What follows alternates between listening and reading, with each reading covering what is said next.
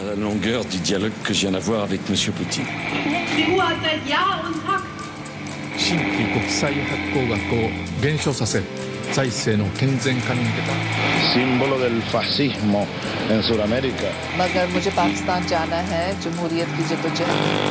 En Hei, hei, og velkommen til dagens sending av utenriksmagasinet MIR. Og dagens tema er luftforurensning. Og med meg i studio for å snakke om det har jeg med meg Truls Moltebakk og Magnus Nordahl eh, Røtnes. Og sjøl hører du på Thomas Hawks, som skal være programleder for denne sendingen. Og Luftforurensning er blitt beskrevet av Verdens helseorganisasjon som en av de største utfordringene menneskeheten står overfor i det 21. århundre. Siden den industrielle revolusjonen begynte på 1800-tallet, har mennesker blitt tvunget inn i storbyer. Storbyer tungt forurenset av stadig nye oppfinnelser som skulle, som, som skulle gjøre livet til mennesker lettere. Over hele verden har modernisering og urbanisering skjedd ekstremt raskt, brutalt og med menneskers ve og vel som en ettertanke. Nå lever over halvparten av verdens befolkning i urbane områder, og byene fortsetter å vokse. Når så mange mennesker lever og jobber så tett oppi hverandre, så fører det med seg en enorm forurensning av lokalmiljøet. En ting er alt avfallet, søppelet man kan se, men den store tragedien som man nå er blitt klar over, er den nesten ufattelige skaden som blir påført mennesker av luftforurensning i byene. Flere undersøkelser har nå konkludert med det mange lenge har fryktet. Det er bekreft, bekreftet over enhver tvil at dårlig luftkvalitet har en innvirkning på helsen til mennesker. Dårlig luft fører til at flere mennesker utvikler luftveissykdommer, og det forverrer eksisterende problemer eksponentielt. Statistikk fra Verdens helseorganisasjon viser at flere dør av forurenset luft enn hiv, aids og malaria til sammen hvert eneste år. Luftfor, luftforurensning fører til permanente skader på millioner av menneskeliv. Og I denne sendingen skal vi diskutere omfanget, utfordringene og konsekvensene av et menneskeskapt problem vi ikke lenger kan ignorere.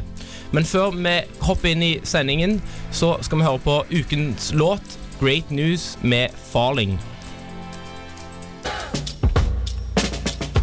Hei, dette er forsvarsminister Ine Eriksen Søreide. Du hører på utenriksmagasinet MIR. Før sangen så kalte vi luftforurensninger i storbyer et av verdens største helseproblemer. Og Er det en eh, korrekt beskrivelse av problemet, Magnus? Jeg vil si det. For uh, i omtrent 80% av alle de urbane områdene i verden, så er det luftforurensning som da er farlig. Det er usunt. Og i 98% av alle byer i verden med over 100 000 innbyggere, så er den direkte farlig. Det er livstruende på enkelte steder. Du sier 80% av alle byer over 100 000, men ser vi en trend? Er det noe som er fellestrekk med de byene som er spesielt eh, forurensa, Truls? Det er jo de industrialiserte byene i den tredje verden, i de store store byene i Kina og Delhi og andre store byer i India, store byer i Pakistan, som er på toppen av verstinglista. I eh, den den postindustrialiserte Vesten så er det jo et mindre problem, men det er fortsatt et alvorlig problem i norske storbyer også.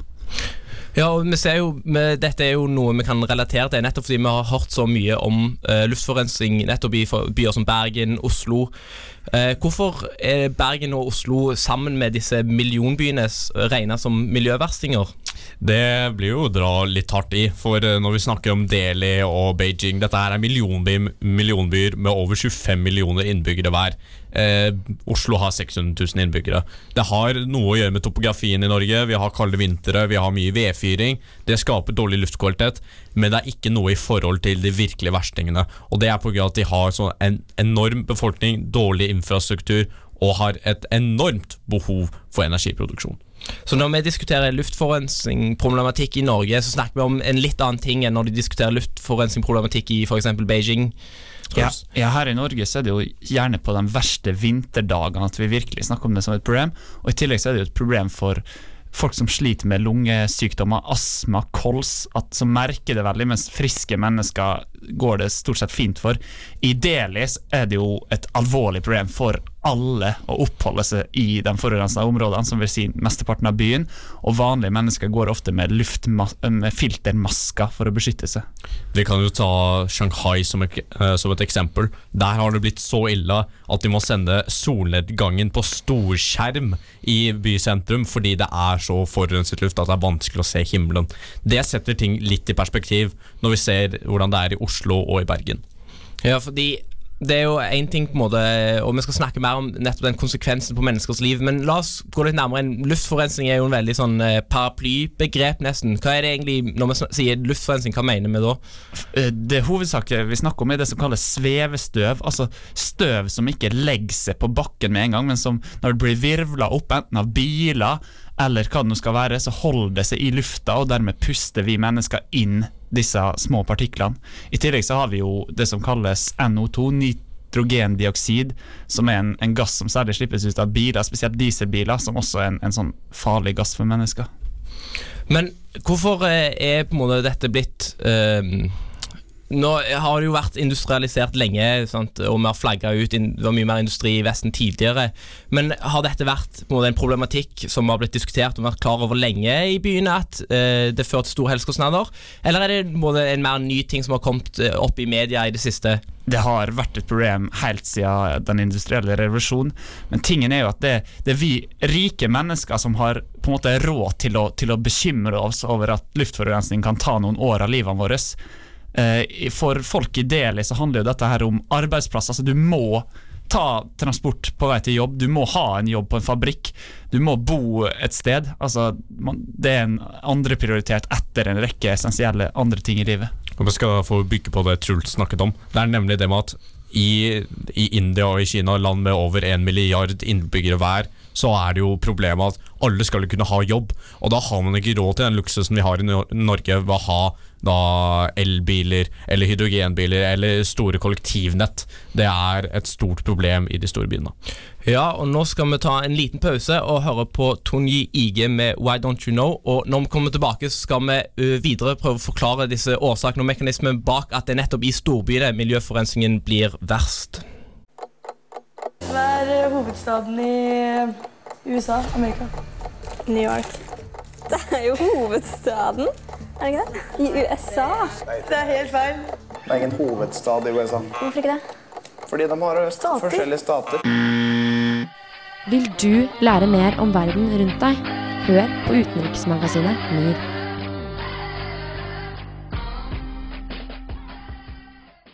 Vår nye medarbeider Fredrik Tønsvold Mortvedt har intervjua Hans Jørgen Gåsmyr, som jobber på Universitetet i Bergen, og som er ekspert på Kina og miljøpolitikk. Og Han har gjennomført et ø, veldig interessant intervju som vi skal spille av nå. Og bare len deg tilbake og nyt og lær. Kina har lagt bak seg tre tiår med eventyrlig økonomisk vekst. Millioner av kinesere har blitt løfta ut av fattigdom, og Kina har blitt en økonomisk supermakt. Men veksten har også hatt en bakside. Mange av byene i Kina sliter med helseskadelig luftkvalitet.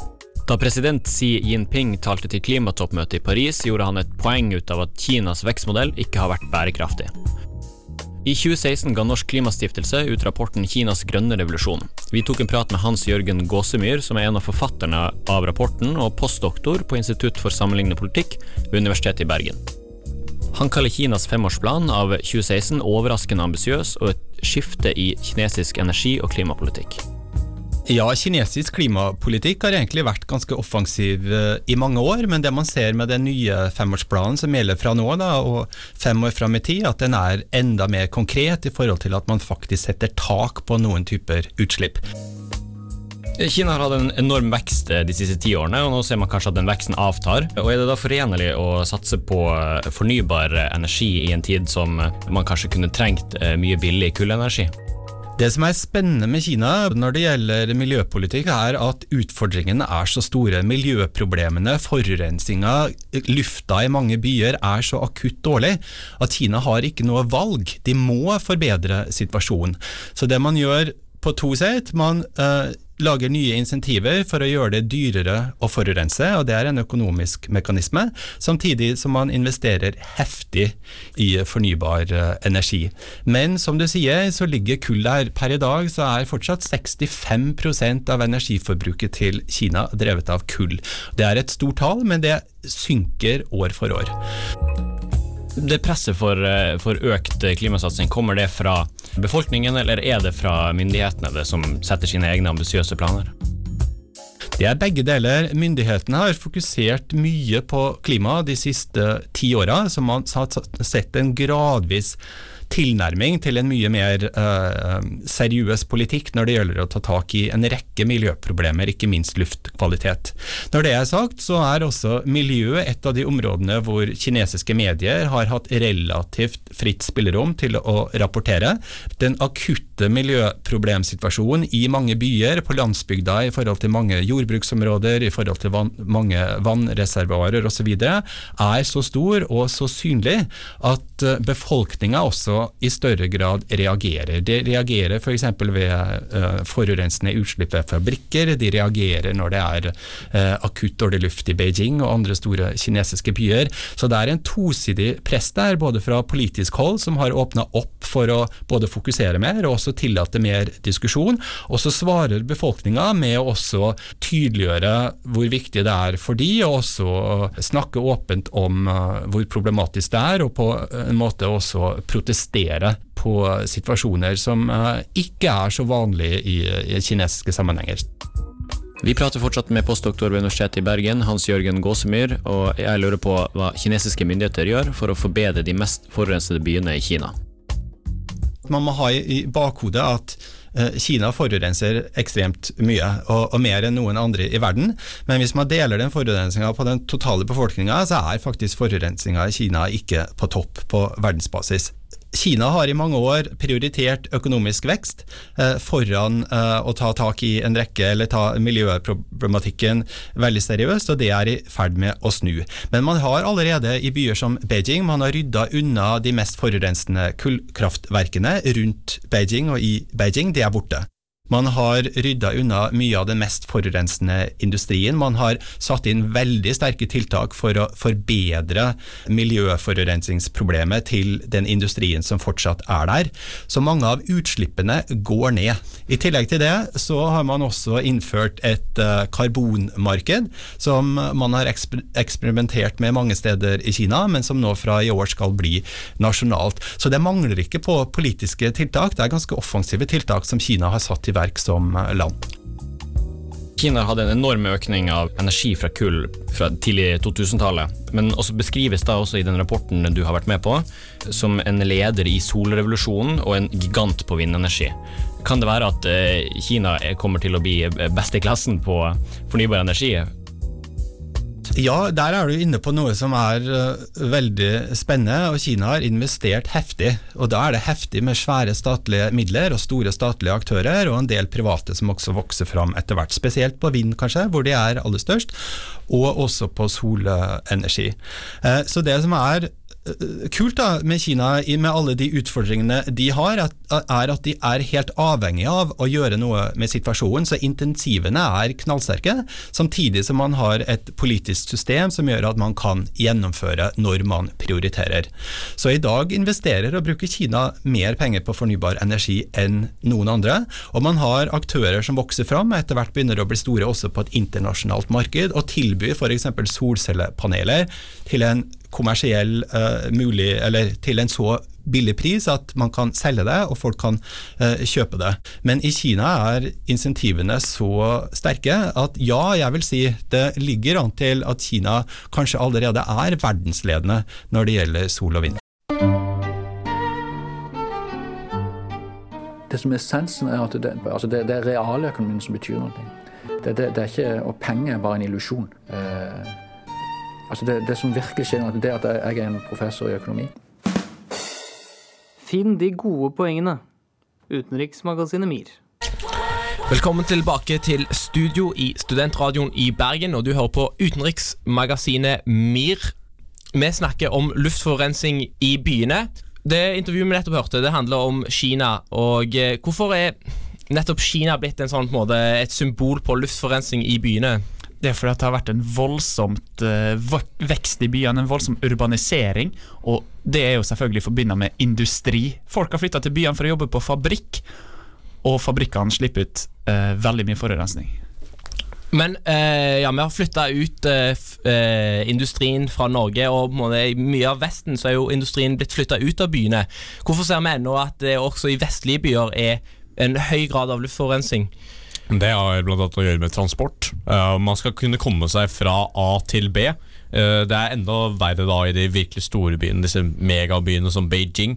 Man har sett bilder av disse enorme motorveiene der, hvor folk står i dagevis når det er ordentlig dårlig trafikk. Det har kommet rapporter om at folk faktisk har dødd i bilene sine pga.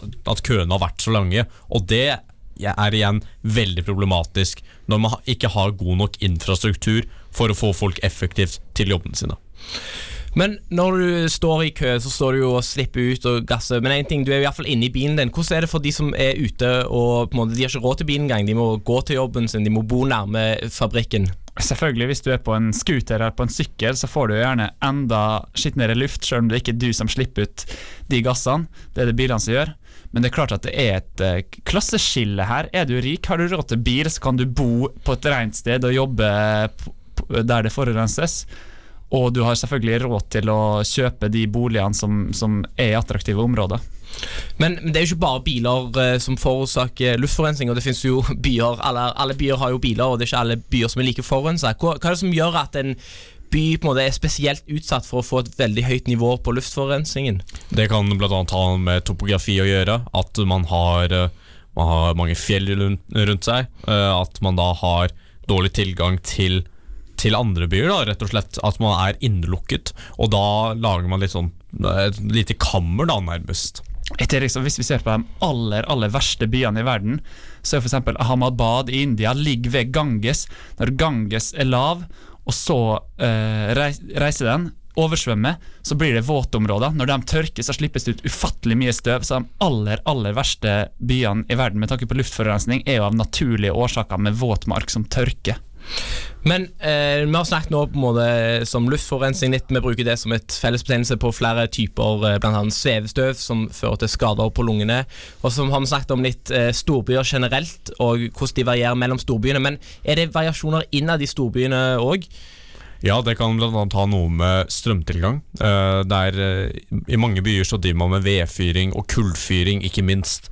For å kunne ha elektrisitet, for å kunne ha varme, for å lage mat, eh, til og med. Og det igjen skaper mange svevestøvpartikler som gjør at luften i byene blir verre. Og dette er igjen, i de virkelig eh, store byene i India og i Kina, så er det helt nødvendig å drive med kullfyring, for ellers så får man ikke, eh, eller, så får man ikke varme eller elektrisitet. Men ja, så Det er jo lett å stå her for oss og på en måte kritisere eh, kullfyring og vedfyring, og vi har varmekraft eh, Unnskyld, varmekraft vannkraft i Norge for å gi oss strøm, og vi kan bruke det til oppvarming. Men eh, hva er på en måte disse byene som er blitt så store? Hva er, er det byplanlegging som har gått skjevt tidligere, eller er det bare en naturlig konsekvens av at det er blitt oversett? Hvorfor har det blitt så ille i disse byene? Det er fordi at det har vært en enorm vekst og en enorm urbanisering der voldsomme mengder flytter til, by, til, til byene. Og, og regjeringene i India og Kina har på en måte ikke kapasitet til å kontrollere hvor folk eh, velger å bosette seg, og, og planlegge helhetlig. Og I tillegg så prioriterer man jo vekst og jobber fremfor eh, rene byer. For som Truls sa, når det er enorm vekst i byene, så tenker man ikke nødvendigvis på å lage smarte løsninger på infrastruktur. Man tenker på å bare bygge ut så mye man kan, for å da få plass til alle sammen, for å få dem i arbeid, for å få dem i f.eks. tungindustri. Det har vi sett i flere byer i Kina hvor det har oppstått en fabrikk, og folk har bosatt seg rundt den fabrikken. Og da har man ikke tenkt på smarte løsninger. Ok, hvordan er den mest effektive måten å komme seg fra, fra sentrum og ut til byene, eller fra fabrikken til sentrum? Man tenker jo på ok, her bor det mange mennesker, vi må bare bygge mer bolig for å tiltrekke flere. Ja, og når vi kommer tilbake etter Emily Nicholas Sky, så skal vi diskutere litt hva konsekvenser denne dårlige byplanleggingen, denne politikken av eh, boom or bust, hvor vi har bare fått ekstreme storbyer uten noe spesielt tanke på kvaliteten og tenk, tanken på hvordan mennesker som bor i disse byene, har det. Så du kan mye om norsk politikk? Hva med Saudi-Arabia? Hva med UAE? Hva med Kuwait? Hva med uh, hele Latin-Amerika? Hva med hele Sør-Amerika? Hva med hele Asia? Hva med Japan? Hva med Kina? Hva med Russland? Hør på utenriksmagasinet MIR, og få med deg hva som skjer i resten av verden også.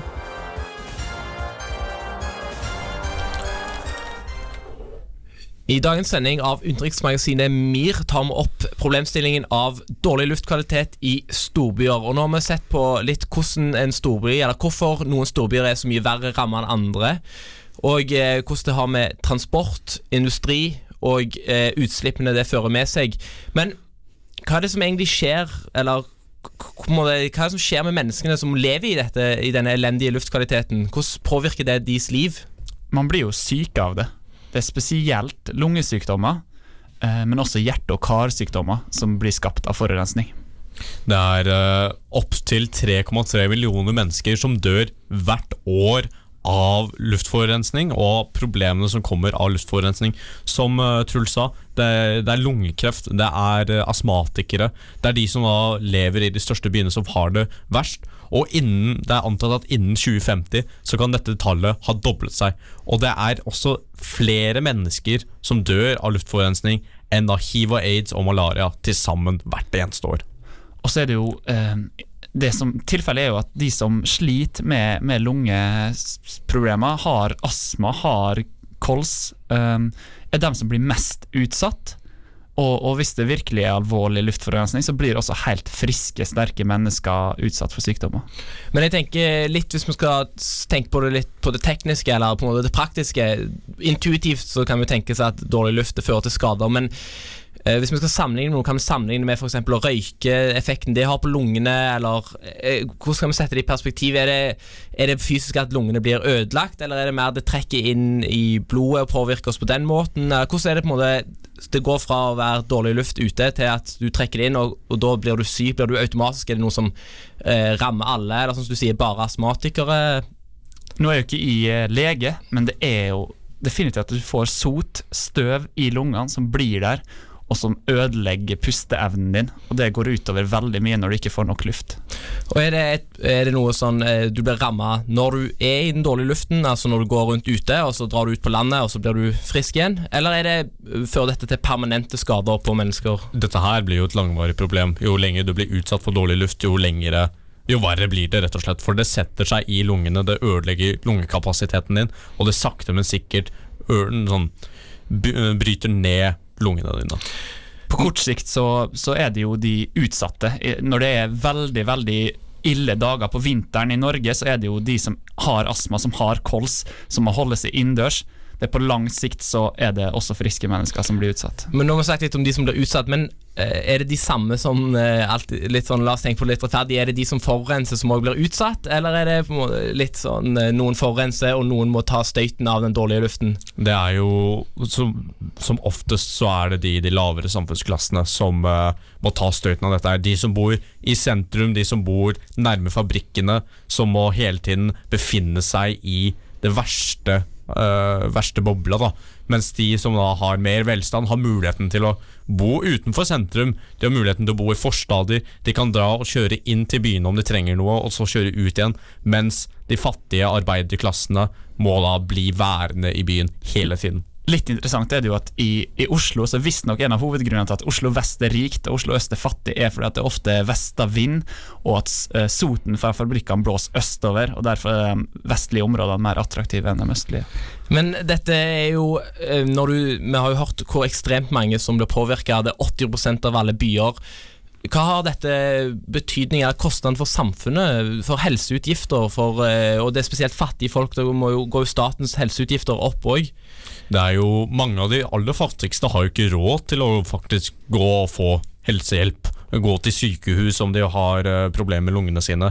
Det er nesten litt sånn 1800-tallet eh, i Europa med dette her. At I Kina så er det jo en fattig arbeider. Ja, om du er syk, så kan du ikke jobbe lenger. Synd for deg. Vi bare finner en annen som da har muligheten til å jobbe istedenfor. Det er ikke noe helseforsikring her. Det er ikke så at du vil få hjelp. Du står helt alene, og du blir utsatt for de store konsekvensene av luftforurensning.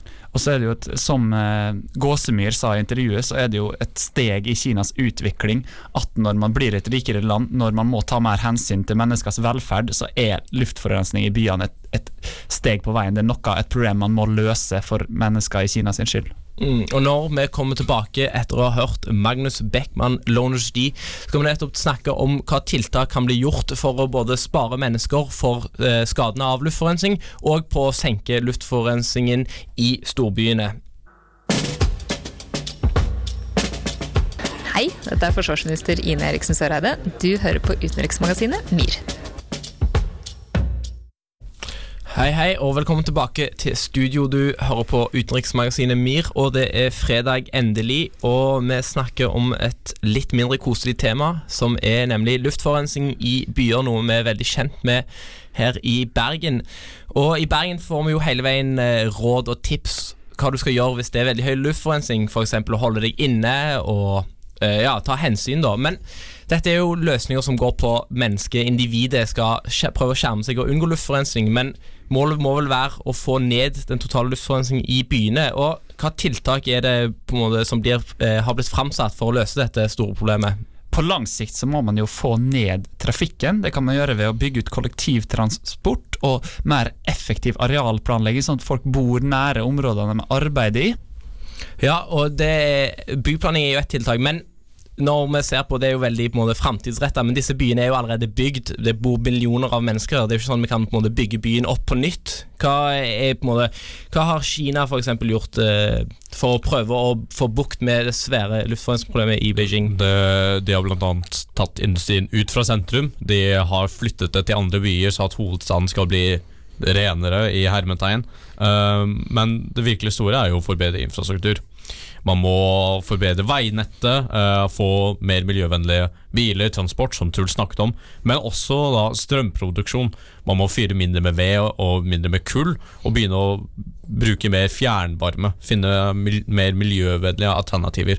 Og ikke minst for innbyggerne i Beijing så det jo, tar det jo noen forholdsregler, som da å bruke munnbind med filteret, for å passe på å ikke få disse svevestøvpartiklene inn i lungene. Ja, munnbind har rett og slett blitt mote i Beijing. Hvis du tar et lite søk på nettet, så finner du veldig fort hva som er denne sesongen sin eh, kuleste munnbind å gå med. og Det er rett og slett noe, et, det er jo et nødtiltak, men det er noe folk gjør i stor skala i de store byene. Ja, for det er jo et nødtiltak, men kan vi bli nødt til å gå med munnbind òg i Bergen hvis det ikke blir gjort noe med dette eh, luftforurensningsproblemet?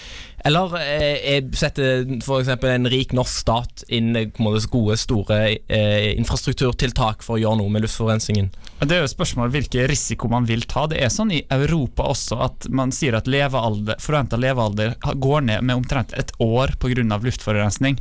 Så det er et problem, men det er jo gjerne et problem når du blir syk, når du blir gammel, og kanskje ikke noe man tenker på der og da, for du blir ikke syk i dag av å puste inn lufta du får inn i dag. Eh, Så hvordan kan eh, Når det er sånn som du sier og beskriver det som et, det er et veldig langsiktig problem, eller konsekvensene av luftforurensning er langsiktige, hvordan kan vi få politikerne eh, nå til å gjøre noe med det nå, så vi får det bedre i framtiden? Man må jo prøve å appellere til politikerne og si at ok, dette her er direkte helseskadelig for oss. Vi, vi kommer da til å stemme på det partiet som faktisk tar dette seriøst. Eh, Det er mer vanlig i vestlige demokratier at man da får miljøpartier som vokser fram, enn f.eks. i Kina eller India, som jeg har nevnt tidligere. Der er det staten som enten har total kontroll, eller som rett og slett ikke bryr seg fordi de har andre viktigere da, eh, tanker i hodet. Altså at man må gi folk jobb. Det er ikke miljø som er det viktigste for dem. Men til og med i demokratier som eh, Norge så ser vi jo reaksjonen fra de som f.eks. bileierne, Frp. De setter foten ekstremt hardt ned, så det vil jo alltid være en reaksjon. og Du kan jo tenke seg at det er nesten lettere i et autoritært regime å top down bare si nå skal vi bygge masse sykkelveier, eller nå skal vi trykke gjennom tiltak. Fordi alle tiltak det har jo en bakside. Det er jo noen som får det verre når noen får det bedre. Ja, det har vi jo snakka om at det er ikke de som kjører og forurenser som kanskje må puste i den samme lufta, men vi må ikke glemme hvor mange tiltak vi faktisk gjennomfører her. Vi har massiv satsing på kollektivtransport, på sykkel- og gangveier. Vi har krav om piggfrie dekk i byene. Vi har eh, redusering av parkeringsplasser i sentrum, bompenger. Vi har en masse drastiske tiltak. Og så kan man jo alltids gå enda lenger og rett og slett forby biler i sentrum. Det er jo veldig enkelt for norske byer, da, som er relativt små i verdenssammenheng. Det er jo verre for de virkelig store byene som Karachi i Pakistan, eller Delhi, eller Beijing eller Shanghai, som er mange millioner innbyggere. Som da, De har jo et reelt infrastrukturproblem. Det er enklere med byplanlegging i Oslo eller Bergen enn det er i disse millionbyene. Ja, det, blir, det er sikkert og visst at det er et kjempeproblem i disse millionbyene, nettopp fordi det koster mye, og det krever mye fra staten, det krever mye fra innsats fra mennesker, interesseorganisasjoner, å få til en forandring. Og eh, vi får bare håpe den forandringen eh, kommer, og eh, nå skal vi høre på Ocean of Lotion 7-Eleven. Det, det er jo på vei utfor stupet. Det, det behøver du ikke være, være verken trollmann eller synsk eller astrofysiolog for å se. Uansett om det bærer utfor stupet eller ikke, gir utenriksmagasinet MIR deg utenrikssaker og astrofysiologi hver fredag fra 11 til 12 på Studentradioen i Bergen. Ofte får Kina skylden som den største miljøverstingen i verden. Vi har sett bilder av smogfylte gater med tåke så tett at man knapt ser sola. Millionbyer der miljøtiltakene ikke følger i takt med befolkningsutviklingen. Men det er på ingen måte kun Kina som sliter med luftkvaliteten i byene sine. Ifølge WHO er luftkvaliteten for dårlig i 98% av alle byer med over 100 000 innbyggere. Selv om Shanghai og Beijing er skrekkeksempler, er luftkvaliteten noe som bør prioriteres også i Europa, Amerika og andre deler av verden. Hovedproblemet er mikroskopiske partikler i luften som kan føre til lungesykdommer, såkalte PM2,5-partikler. Disse oppstår enten ved utslipp fra industri og utslipp fra biler, men også når fuktige landområder tørker ut og det dannes svevestøv. Det er altså ikke slik at byene med verst luft nødvendigvis slipper ut mest eksos eller fabrikkrøyk. La oss se på listen over byene med mest forurenset luft. På førsteplass finner vi Sabul i Iran. Dette er nettopp eksempel på en by der støv har blitt revet opp fra land som tidligere var fuktigere. Etter hvert som området tørket ut, øket også svevestøvet, og luftkvaliteten ble forverret. Ser vi videre på listen over byer som sliter mest med mikropartikler i luften, er India representert med 12 av 20 av de verste byene. Byen som sliter mest med dårlig luftkvalitet i India, er New Delhi. Med nesten 10 millioner innbyggere og om lag 1400 nye biler på veien hver dag, er dette et problem som ikke forsvinner av seg selv.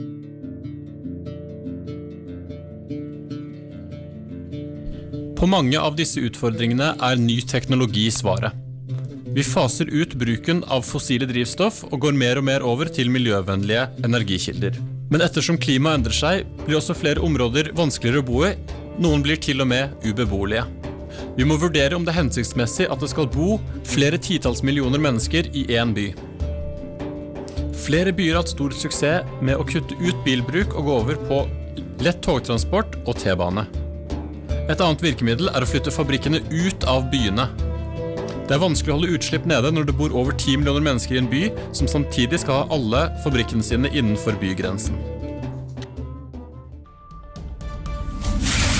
But I want to say one thing to the American people. I did not have sexual relations with that woman, Miss Lewinsky. I never told anybody to lie, not a single time, never. Sannheten kommer alltid for en dag i utenriksmagasinet MIR. Da er vi tilbake i studio i utenriksmagasinet MIR. Før eh, sangen oh, eh, Unnskyld. Tom Stockman med Kampmyr hørte du en kommentar av vår medarbeider Håvard Lid. Og vi er kommet til veis ende, Truls. Og hva har vi snakket om i dag? Jo, vi har snakka om luftforurensning, og at luftforurensning er et økende problem i verdens raskt voksende storbyer. Utslipp fra trafikk, oppvarming og industri fører til at millioner av mennesker dør hvert år. Vi har hørt et intervju med Hans Jørgen Gåsemyr om de politiske tiltakene Kinas myndigheter nå gjennomfører. Vi har sett på den direkte effekten av hva forurensning har på folks liv.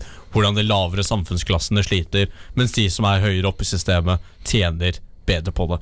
Og vi har snakket om de mer konkrete tiltakene som kan gjøres for å forbedre situasjonen i de aller verste byene.